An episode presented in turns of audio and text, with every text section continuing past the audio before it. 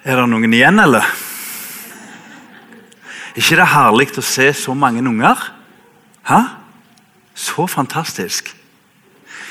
Og I høst så skal vi bruke et halvt år på hebreerbrevet. Veldig viktig at du leser sjøl, ellers så kan det bli litt sånn mangelfullt. Og En del av eh, temaet i hebreerbrevet er gjestfrihet. Det går igjen og igjen og igjen. Det er liksom dytta inn både her og der, og spesielt i det siste kapittelet. Hold fast på gjestfriheten. Og Det som er, er at eh, vi i ledelsen har en drøm om at vi kan få lov å se flere mennesker oppleve gjestfrihet. Inn i heimer, inn i ditt liv for det har ofte størst virkning, men òg inn i fellesskapet. Og eh, Vi er veldig takknemlige og ydmyke og får lov å se at det er helt full sal. Og Tenk så flott om vi kunne få fylle eh, sidesalen. Vi holder på å jobbe med å bygge nytt hus. Eh, kan vi si at det er ganske enkelt i forhold til det å bygge menighet? Og vi vet hvor vanskelig det er å bygge hus. Så kampen den står om sjelene når alt kommer til alt. Én og én. Så eh, Vi ønsker at flere unger kommer, flere voksne kommer. Og Det betyr at skal en være gjestfri, så må en på en måte plassere seg selv først og være hjemme. Det er ikke lett å invitere folk her hvis det er visst at det kanskje om at det muligens vi ser litt på været. Så plukk ut datoene. Og ingen sitter her og krysser for om du kommer eller ei, takk og lov. Men det er noe med det å få lov å liksom ikke holde ting på armlengdes avstand og være tett innpå. Og da eh, er det lett og godt å invitere nye. Det sitter masse mennesker på Klepp som lengter etter et sosialt fellesskap. Og det sitter enda flere og lengter etter retning i livet og mening med livet og håp i livet. Uten Gud og uten håp i livet, står det i Bibelen. Skal vi be videre, Herre Jesus? Vi priser ditt navn. For du har skapt denne dagen. Og du har skapt Guds folk. Og du skaper tro. Og du gir pakter, og du gir nye pakter. Og du går fra godt til fullkomment. Vi takker deg, Herre, fordi at du viser oss litt av ditt rike, så langt vi kan forstå i Ånden. Nå ber vi for barnearbeidet, nå ber vi for alle kirker og alle bedehus og alle fellesskap og Klepp. At Guds ord vokser, disippelskap vokser og etterfølgelse vokser fram. Vi ber for alle som lir på Klepp, som har det vondt. Vær nær og send oss én og én. Amen. Kanskje du kjenner på om dagen sløvhet. Litt sånn som når du kjører bil. At det, det begynte bra, men eh, det er akkurat som øynene detter igjen. Og så var det ikke bare en biltur, men det er jo et konstant tilværelse i kristenlivet. Kanskje du kjenner på lunkenhet tomhet og på et vis forfall. Det er ikke noe stas å se på noe som var bra, men så er det bare forfallet som roper imot. Hvis du har det sånn, så kan jeg ikke hjelpe deg. I kraft av meg sjøl. Men hebreerbrevet kan gi en dypere hjelp som all verdens menneskelige kjærlighet ikke kan nå. Og Det er akkurat det hebreerbrevet er til for. Hvis vi får opp hebreerbrevet kapittel 12 og vers 12, så får vi litt innsyn med en gang i situasjonen til disse som dette er skrevet til. Det er noen hebraiske kristne, eller altså jøder, som har eh, ikke bare vokst opp med jødedom, men de har møtt og sett Jesus én og én i store flokker. Så har de vendt om. Og disse lever nok Antageligvis rundt eller i Roma-området. Blant de aller første kristne. Og Så sier forfatteren derfor styrk de slappe hender og vaklende knær. Jeg syns det var en ganske beskrivende tekstlinje for sånn et kristenliv kan være. Slappe hender, svake knær. Det blir ikke noen soldat av det. Hebreerne 10.25 viser oss videre at um, og La oss ikke holde oss borte når menigheten vår samles, som noen har for vane. La oss heller oppmuntre hverandre. Og Det er så mye mer som dere ser at dagen nærmer seg. Sånn tenker forfatteren. Han begynner å se et mønster, at flere og flere mennesker trekker seg unna. Hva er det som skjer? Snakker ikke om de første kristne. Jeg trodde det var et sånt multiord for ånd, vekst og framgang. Dette er antakeligvis andre generasjons kristne, og muligens noen med førstehåndskjennskap til Jesus sjøl. Og så står det sånn til. Har begynt å forlate fellesskapet. Kan vi få hebreerne fem? For det var mer ting som skjedde internt i de som var der. Én ting var de som forlot, men om dette har så mye å si eh, men, eh, dette har vi mye å si, men det er vanskelig å forklare dere, siden dere er så blitt likegyldige til å høre. Etter så lang tid burde dere selv være lærere, men dere er barn. Nei, Dere trenger noen som på nytt kan lære dere det første og grunnleggende i Guds ord. Sånn er det. Dere er blitt slike som trenger melk, ikke fast føde, altså barn. Situasjonen i, i, blant de første kristne, som hebreerne skriver til, tror jeg mange kristne kan si det er jo egentlig et brev til meg. Jeg er treig til å høre, og jeg er enda treigere til å følge. I den situasjonen vi står i nå, så um, er det en kontekst eller en bakgrunn. og det er det at um, de lever i det store Pax Romana. Men det var ikke så mye Pax, det var ikke så mye fred, og det var ikke så mye ro. Det var um, en Nero som fant det for godt å begynne å forfølge de første kristne, eller de som gikk på veien. Det var noen etterfølgere, noen radikalere, som bare måtte stoppes.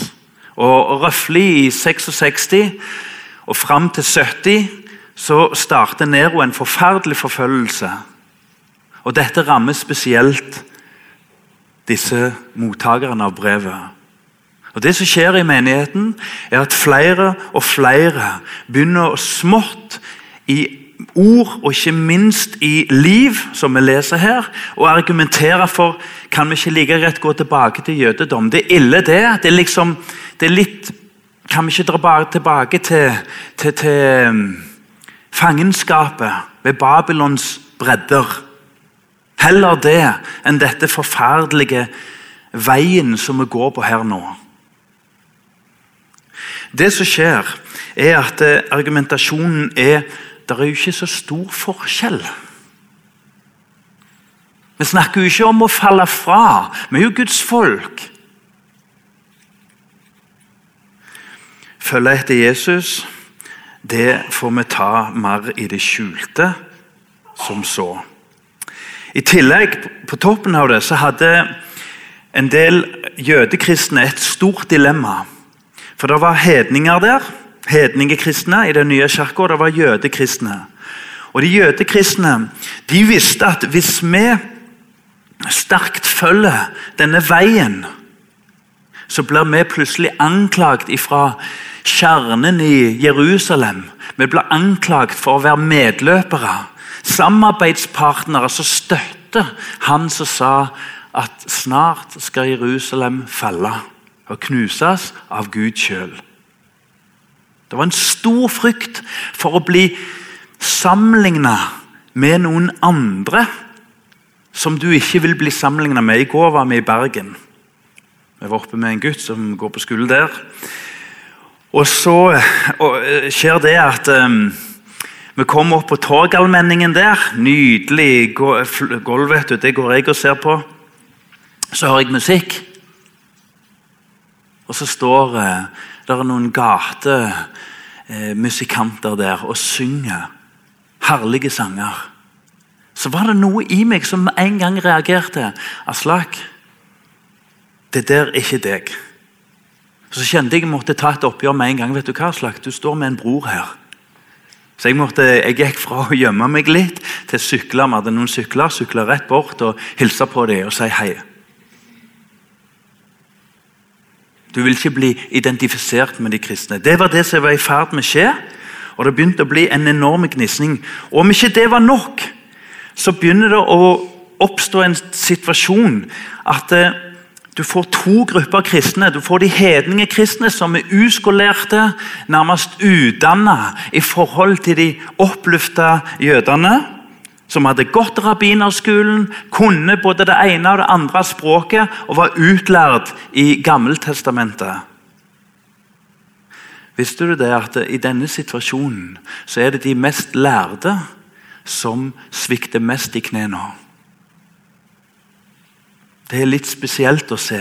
og Det synes jeg stemmer litt med vår tid, som vi lever i Norge i dag. Det å være lærd, det å være Eh, eldre betyr ikke at du nødvendigvis leder på en god måte.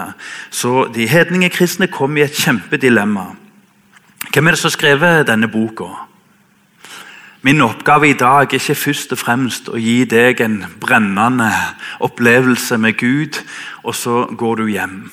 Eh, min oppgave i dag er om du kunne få smaken på hebreerbrevet. For kraften ligger i at du og jeg går hjem og leser. Får vi begge deler et godt møte og lesing, så er det best. Men da må vi spørre oss, hvem er det som har skrevet dette her? For i dag er det et enormt press på om Bibelen egentlig er til å stole på. Om den er sann og hvordan den ble. Og De som så Da Vinci-koden, så at eh, der blir det egentlig hevda at det er 80 evangelium som liksom svirrer i miljøet. Det er rart at sånn får lov å gli gjennom, når vi vet at det er slett ikke åtte miljøer. Og Noe av det første som falt på plass blant de første kristne, var de fire evangeliene. De ble anerkjent umiddelbart, både av Vestkirka og av Østkirka. Men Da Vinci-koden smeller opp 80 ut av intet. For det er ut av intet. Les litt om det. Denne boka da, er ikke anerkjent fordi hun er god, fordi hun er flott fordi hun skriver så mye fint. Hun er anerkjent fordi hun er skreven av en forfatter som har førstehåndskontakt. Og fordi han er i direkte kontakt selv med Paulus sitt miljø. Og Dermed anerkjente de det. Han skriver jo helt på slutten at uh, Timoteus er nå satt i frihet. Uh, når han kommer til dere, så vil nok jeg komme med han. Så Anerkjennelsen lå ikke i syns, syns ikke, men soliditeten lå i det profetiske på et helt annet plan. Skal vi få opp 2. Tessalonika-brev kapittel 2 og 15? Det er så viktig i dag. og Nå i Østfold er det en forkynner som ikke slipper til i kirker. Men det skulle jo vært motsatt. Og han som forbyr, som skulle vært kasta ut. Så stå, stå derfor fast, søsken, og ta vare på de overleveringene vi har undervist dere i, enten muntlig eller i brev.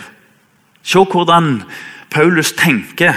Ta vare på overleveringen. Ikke ta til deg fra her og der, men forhold deg til det profetiske ord. Det var veldig viktig for dem. Ok, La oss se på et nøkkelvers. Eh, nei, la oss se på, se på en, eh, en, aktualitet. For Når du leser hebreabrev, så det er ikke det du skumleser liksom, og feier gjennom. Det er Melkisedeks vis, og hvem er han, da?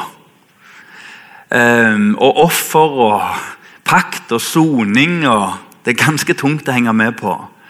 Men vi skal også være klar over det at uh, nordisk ungdom er helt på bånn i verden i bibelkunnskap. Hvordan går det an? Vi har alle hjelpemidler, og vi har gått fra å være i toppen for halvannen generasjon siden til å bli på bånn i verden blant kristne i bibelkunnskap. Av ellers sammenlignbare grupper. Det som skjer, er at Hebreabrevet hebreerbrevet viser oss noen glimt av aktualitet.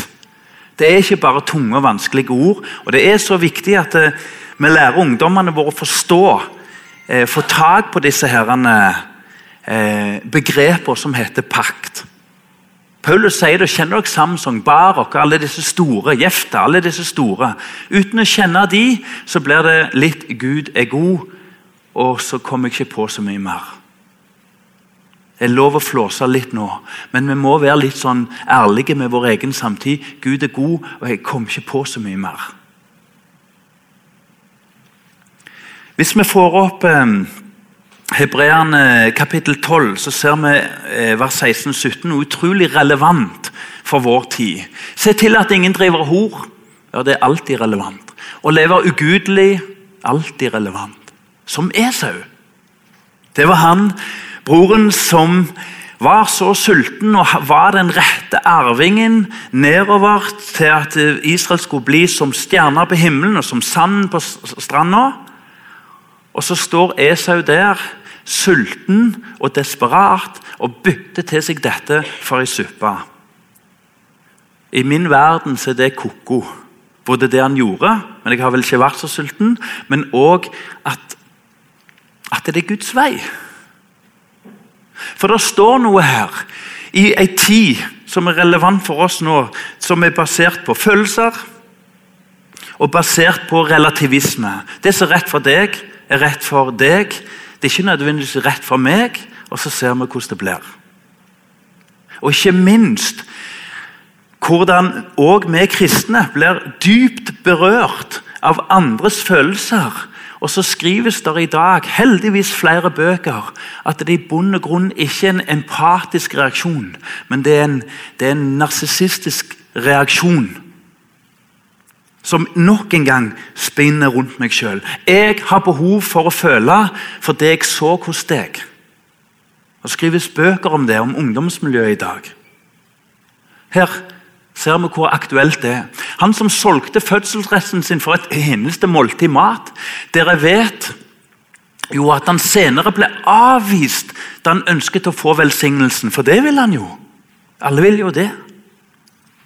Det var ikke mulig om hør, enda han ba med tårer. Min oppgave er ikke å bli godt likt i dag.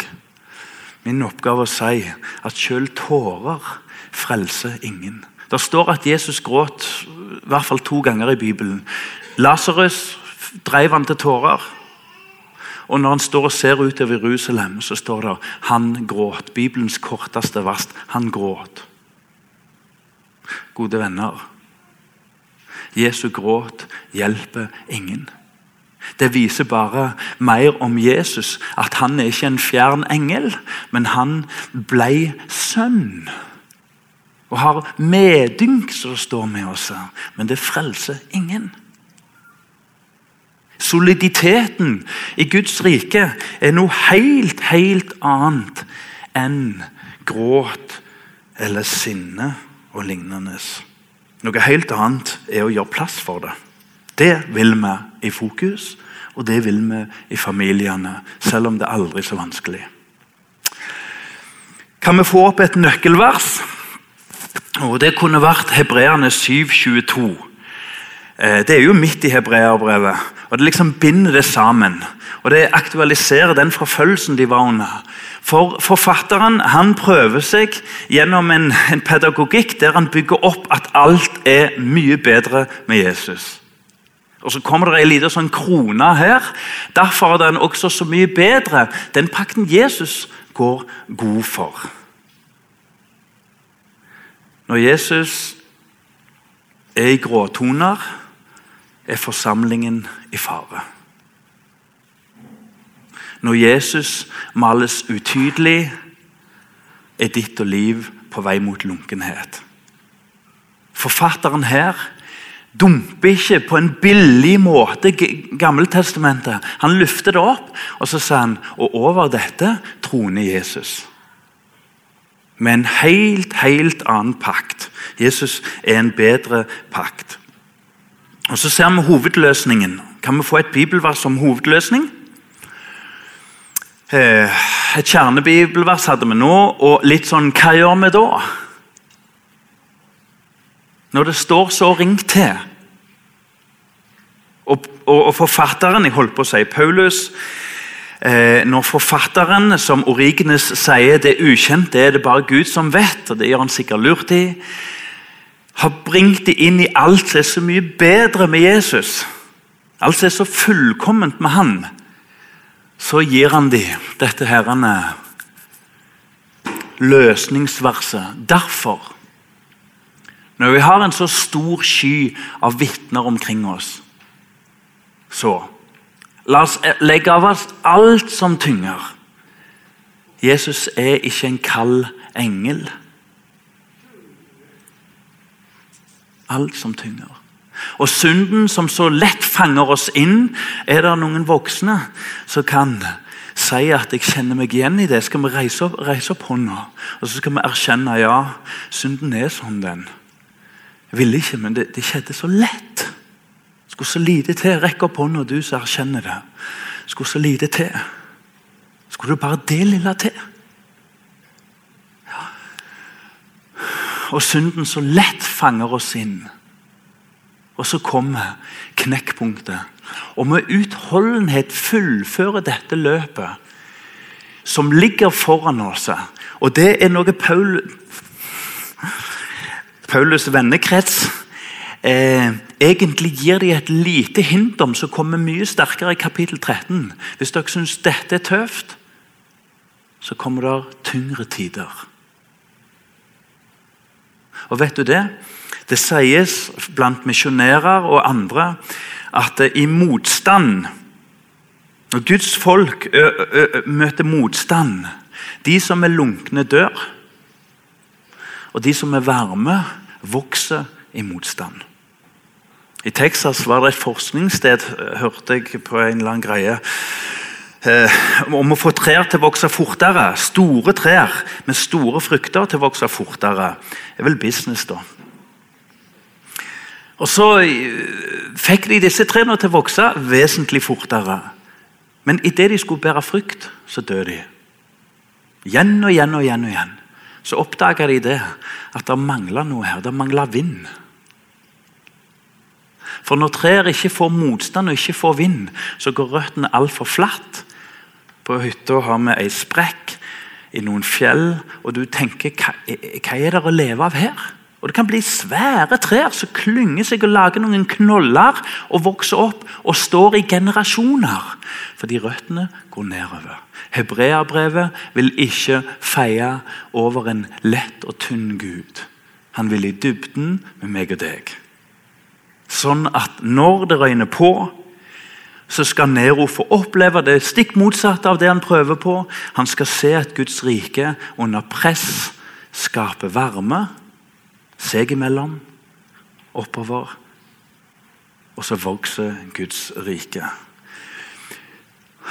Med blikket festa, altså Det ligger noe vanskelig foran dem, med blikket festa på Han som er troens opphavsmann og fullender. Og Her er jo Jesus, og her er jo altså nøkkelen å se på Jesus. Så har du hørt det, og så er det akkurat der åndens åpenbaring ligger. Det handler ikke om hva du har hørt og hva du visste. Det handler om du lar deg drive av Ånden til å se på korset. Jeg har lyst til å ta deg bitte litt med inn eh, i dette med å se på Jesus. For det er det hebreerbrevet egentlig til slutt driver mennesker mot. Å se på Jesus. Det sies at eh, det var reist en kobberslange på befaling fra Gud. De ta, de, de, de Israelsfolket på ørkenvandringen så møter de var det Horeb eller Hor eller noe sånt, et, et fjell med et folk, et mektig folk. Og Så ber de til Gud om å forbanne dette folket, så de kan få gå videre. At ikke dette folket stopper de på vandringen til Kanaan. Og så gjør Gud dette. Lytter til bønn. Så går de forbi, men de knapt kom forbi før de begynner å murre. De begynner å murre. Skulle tro de var på vei til himmelen. Halvsure kristne kan de minne om. Lunkne misfornøyde, som stort sett ser ting galt i andre. Og De begynte å murre mot Moses og Josva. Og spesielt mot Moses. Og Da eh, gjør Gud noe som i hvert fall i mine øyne er vanskelig å forstå. Men han gjorde det. Han sendte inn slanger. Giftslanger som drepte mange. Og Én ting var at han bare liksom billedlig talt, og så stopper vi der. Det gjorde vondt, men det er mange som ble drept. Så faller de om, og så får Moses denne beskjeden etter de trygler og ber. Gud, du må forbarme deg over oss. Og Så reiser Moses opp en kobberslange. Så sitter jeg hjemme og leser dette her. Så virker Guds ord på Aslak. Så slår det meg Hvorfor var det en kobberslange? Hvorfor ikke en kobberengel? En slange, liksom. Slangen er vel symbol... Har dere vært inne i domkirka og sett disse søylene? Ser dere hva som tyder ut under? Det er hodet på en slange. Hælen skal jo knuse slangen, skal han ikke det? Jesus er mektigere enn det vonde. Og så henger han opp en slange. Kobberslange. Jo, fordi at israelsfolket, når de så slangen, så så de synden sin hengt opp på en trepinne. Gud tok den ifra dem, løste den ifra dem, og så hang han den opp der. Og så sier han, se her, på en staur, på en pinne, har jeg hengt synden. Det kosta ikke Gud noe, det. Symbolikk, vet du. Symbolikk. Men Gud visste at Jesus var ikke kommet for et godt offer, for en god slange. Han var kommet for et bedre offer. Det betyr at når vi ser på korset, så ser vi Han som var uten synd, men blei synd.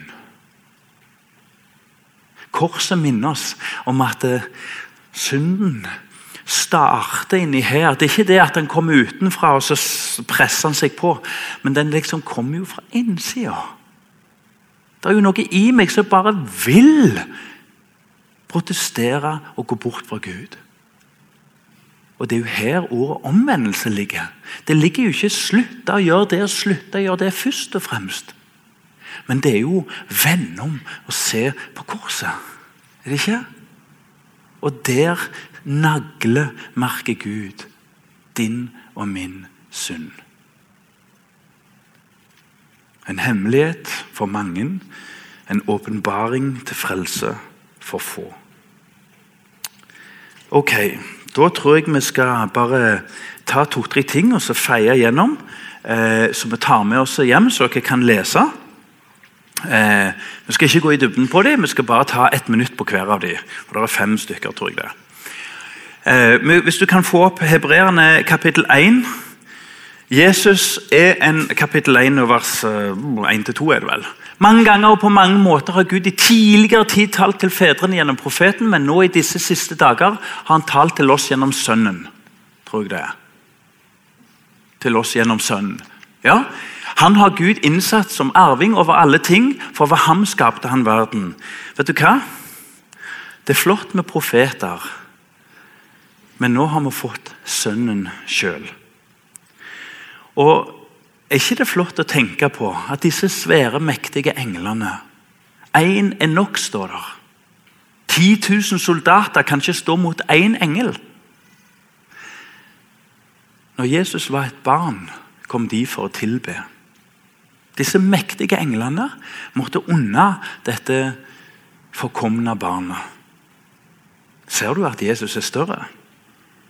Derfor er det viktigere at vi ennå hører vi på engler, så må vi i hvert fall høre på Jesus. Han er en større leder.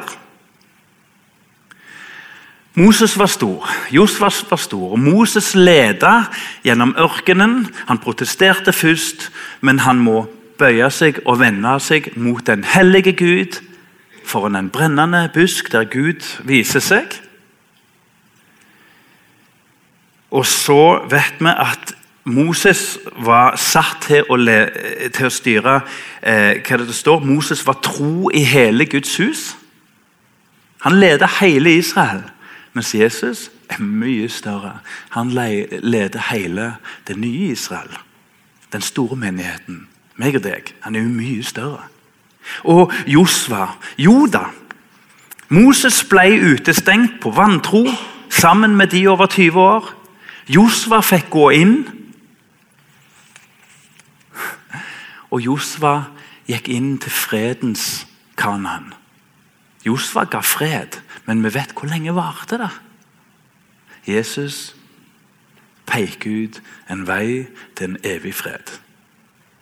Og det må vi tåle. Det har vært misjonærer i 2000 års store overskrift. Livet har to utganger. Én fører til evig liv med Kristus. Én fører til evig liv borte fra Gud.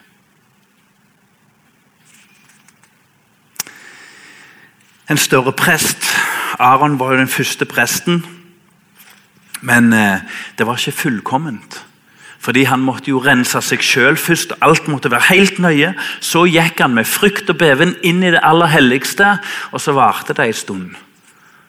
Men eh, Jesus gikk opp på korset en gang for alltid fullkomment. Det sies som en som kjøpte Rolls-Royce. Han fikk en feil etter en stund, og så var garantien sikkert gått ut. eller noe sånt, og Så etterlyser han regningen, tar kontakt med Rolls-Royce. Det er sikkert bare tull, men det er sånne historier.